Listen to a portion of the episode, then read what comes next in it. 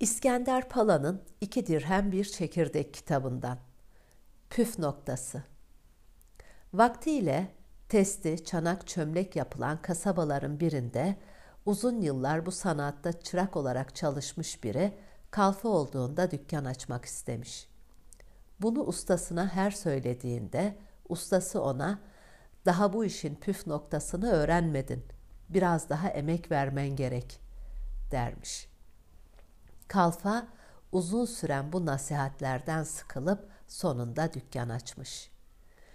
Binbir emekle yaptığı testi, küp, çanak, çömlekleri raflara yerleştirmiş.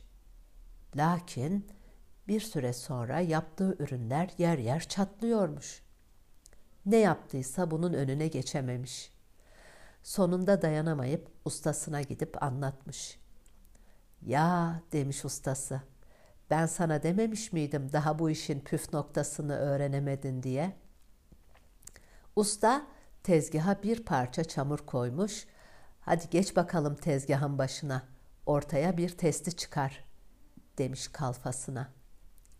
Kalfa tezgahın başına oturup ayağıyla merdaneyi çeviriyor, elleriyle de çamura şekil veriyormuş.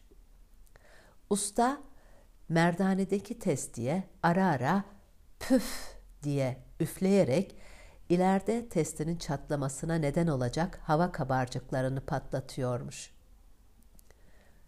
Kalfa püf denilen ince noktayı öğrenmiş olmuş. Her sanatın ince noktasına o günden sonra püf noktası denilmiş. Müzik